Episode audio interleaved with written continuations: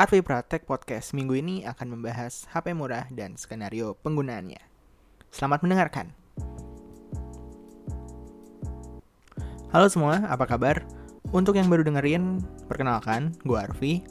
Podcast ini akan ngomongin gadget dan teknologi ya, sesuai namanya lah ya. Uh, selalu hadir di Selasa pagi dengan episode terbaru yang bisa didengerin di Spotify, Kurio, Apple Podcast, dan SoundCloud.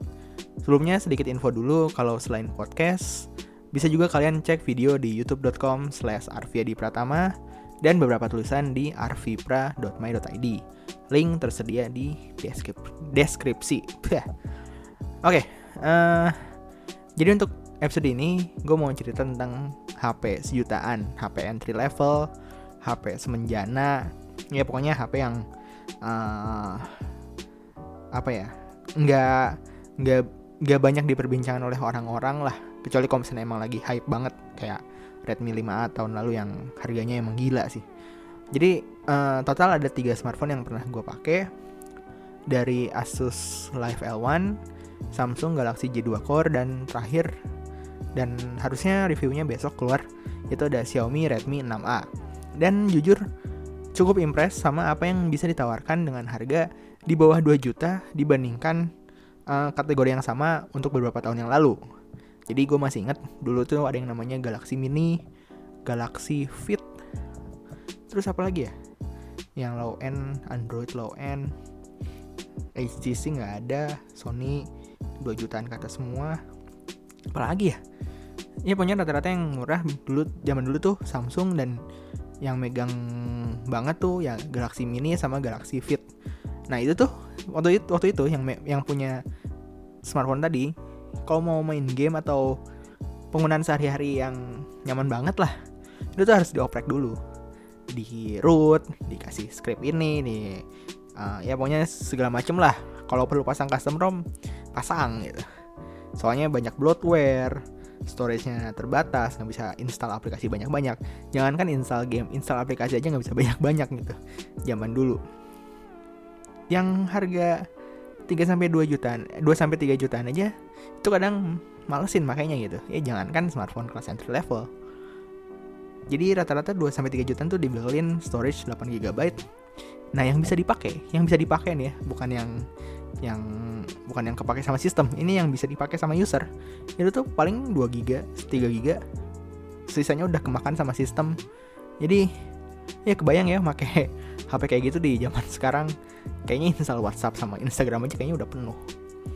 Oke okay, kalau misalnya zaman sekarang HP kelas 2-3 jutaan tuh performanya tuh bisa dibilang cukup merata gitu di segala lini ya. Kamera, performa, build quality. Apalagi uh, layar gitu. Pokoknya merata lah. Nggak bagus banget.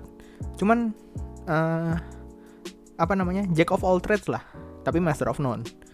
Bahkan sekarang ada kategori namanya tuh budget flagship jadi spesifikasinya tinggi tapi harganya tuh uh, 4 sampai 6 juta tuh udah bisa dibeli gitu. Kayak Pocophone, Poco F1, uh, Zenfone 5G juga itu termasuk. OnePlus zaman dulu itu termasuk kayak gitu. Makanya beberapa jurnalis tech di luar luar negeri di US segala macam menganggap kalau Samsung Galaxy Note, Galaxy S, iPhone dan yang harganya sudah melebihi 1000 US dollar itu tuh uh, kategorinya tuh luxury flagship. Jadi flagship yang wah lux banget yang yang mewah lah ya gitu. Mungkin Pixel nanti uh, masuk ke situ kayaknya. Nggak tahu juga sih. Ini tinggal nunggu Pixel aja nih harganya. Kira-kira mau nyaingin brand yang tadi gue sebutin gak sih? Gitu. terus apa kabar smartphone entry level? Oke menurut gue HP di kelas ini untuk penggunaan sehari-hari itu udah lebih dari cukup yang ngebedain dari kelas 2 sampai 3 jutaan ya pasti ada satu atau dua komponen yang dikorbankan lah. Contoh, Samsung Galaxy J2 Core.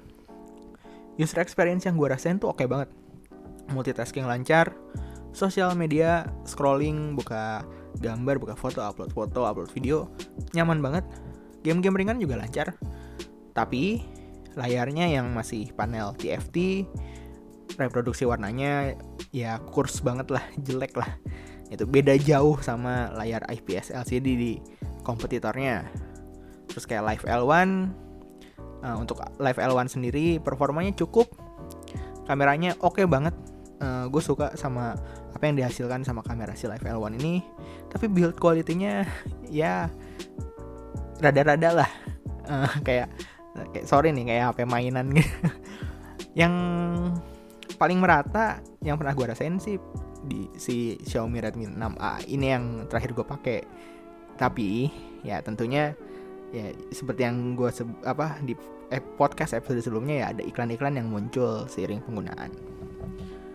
Nah, Google sendiri menyadari bahwa pasar HP murah itu, pasar HP entry level itu cukup gede, terutama di negara India dan Indonesia. Gitu. Ya kalau di US kan beli HP biasanya bareng sama kontrak operator, jadi wajar aja dapat banding yang oke okay, dan yang disediakan ya rata-rata pasti flagship. Nah untuk itu mulai Android 8.1 Google memperkenalkan yang namanya Android Go. Ini juga yang disematkan di J2 Core makanya performanya jadi smooth. Nah, Android Go ini membuat sistem Android menjadi lebih ringan, nyaman, dipakai buat apa? Dipakai di smartphone. Padahal spesifikasinya semenjana gitu. spesifikasinya minim banget. Untuk storage sendiri rata-rata yang dikasih tuh 8 GB dan yang bisa kita pakai itu bisa 4 sampai 5 GB lah yang bisa kepake ya, yang bisa buat dipakai Insta atau nyimpen-nyimpen uh, foto dan segala macam. Dan untuk sosmed itu lebih dari cukup. Manajemen RAM-nya sendiri sangat baik dan terasa lancar walaupun cuman dikasih RAM 1 GB doang. Nah, hadirnya Android Go ini membuat brand lokal kayak SPC, Advan itu bergerak ke arah sana. ada SPC X2, Advan S50, bahkan yang terbaru uh, eh, gue baru tahu tadi itu ada SPC L52X. Sorry ini baru baru makan bebek. Aduh. Oke. Okay. Nah, brand lokal ini memang cukup sulit untuk bersaing dengan merek global itu yang udah yang apa brandnya itu tuh udah mejeng di toko-toko HP gitu. Bahkan toko HP pinggir jalan juga biasanya suka ada. Nah, di kelas entry level makanya mereka milih untuk bersaingnya gitu nah yang menarik jadi baru-baru ini Advan juga baru ngerilis seri G3 G3 yang kerjasama sama Harman Kardon tahu kan subbrand uh, flagship dari JBL speaker wireless speaker headset gitu. Nah harganya itu 2,999 juta untuk normal dan satu juta sembilan ratus ribu rupiah untuk mahasiswa. Dan si HP ini keunggulannya ya punya stereo speaker yang wow banget katanya gitu. Jadi sebenarnya nih apa sih yang bisa kita harapin dari smartphone sejutaan menurut gue pribadi ya kelas ini bisa digunakan sebagai HP sekunder HP untuk anak-anak atau untuk lansia bahkan untuk HP sekunder HP kedua sendiri rata-rata yang diprioritaskan itu ya performanya oke okay. nggak harus canggih banget tapi performanya oke okay untuk diajak harian dan baterainya tahan lama biasanya untuk HP kedua rata-rata orang nyarinya apa nyari spesifikasi atau misalnya nyari kebutuhannya yang seperti itu untuk HP kedua. Yang HP primer tuh ya biasanya yang fotonya bagus bisa buat main game buat apa segala macam yang performanya lebih tinggi lah. Penggunaan performa, performa, performanya lebih tinggi. Nah beberapa smartphone yang masuk sejutaan yang mungkin masuk ke kategori performanya oke okay dan baterai yang tahan lama mungkin kayak Redmi 6A, Nokia 2, bahkan J2 Core. Walaupun cuma 2600 mAh, ini gue pas waktu gue pakai sih daya tahan baterainya itu bisa, bisa sampai satu setengah harian gitu. Nah itu udah lebih dari cukup menurut gue uh, untuk pengguna sehari-hari gitu dan rata-rata ya penggunaan ini juga berlaku untuk lansia juga ya soalnya biar nggak usah dikit-dikit nyolok terus pas dihubungin uh, bisa langsung respon dan segala macem. Seperti itu. Nah untuk anak-anak sendiri yang cukup tricky sih. Biasanya kebetulan mereka kan selain sosmed paling ya main game kan ya. Jadi ya mungkin Live L1 dan Redmi 6A untuk main game udah cukup. Gue nggak tahu uh, kebutuhan ngegame bocah sekarang tuh gimana. Saya gue sendiri jarang main game di HP uh, gitu. Paling kayaknya kalau misalnya dipakai buat main game kayaknya, kayaknya kendala di storage aja ya. Karena 6 rata-rata kan 16 GB yang gue sebut tadi. Dan itu tuh cukup untuk 2 sampai 3 game aja biasanya. Syukur-syukur 3 game deh 2 game aja kayaknya udah ada notifikasi. Storage sudah penuh. Silahkan hapus beberapa uh, files untuk melegakan sis apa kapasitas penyimpanan. Biasanya kayak gitu sih gitu. Cuman dipikir-pikir lagi untuk HP kedua rata-rata masih banyak ya yang pakai feature phone gitu. Nokia yang Nokia yang seri apa ya waktu itu? Seri Asia? Asia masih ada sih. Punya Nokia gitu atau misalnya yang Samsung yang flip. Nenek gue masih pakai tuh. Soalnya ya mau gimana lagi tuh baterainya pol banget. Kayaknya seminggu bisa tahan tahan tanpa ngecas tuh semingguan. Terus juga buat nelpon SMS juga masih oke okay gitu. Walaupun harus uh, pakai keypad gitu. Udah nggak T9 ya T9 keypad. Nggak pakai QWERTY dari touchscreen lagi. Ya itu uh, menurut kalian sendiri gimana?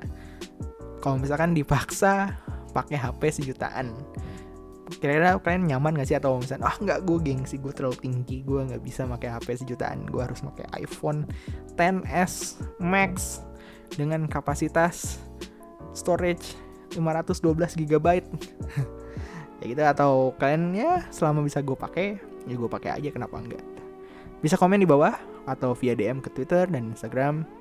Melalui email juga boleh ke kotak surat at kritik saran cacian dan makian dipersilakan terima kasih sudah mendengarkan. Kita ketemu lagi minggu depan. Eh ding? Minggu depan kayaknya gue mau libur. Gue rehat dulu satu episode satu minggu aja. Kayaknya minggu depan bakal banyak yang gue harus persiapkan gitu. Jadi minggu depan kayaknya nggak ada. Uh, kita bertemu di minggu kedua bulan Oktober oke? Okay? dadah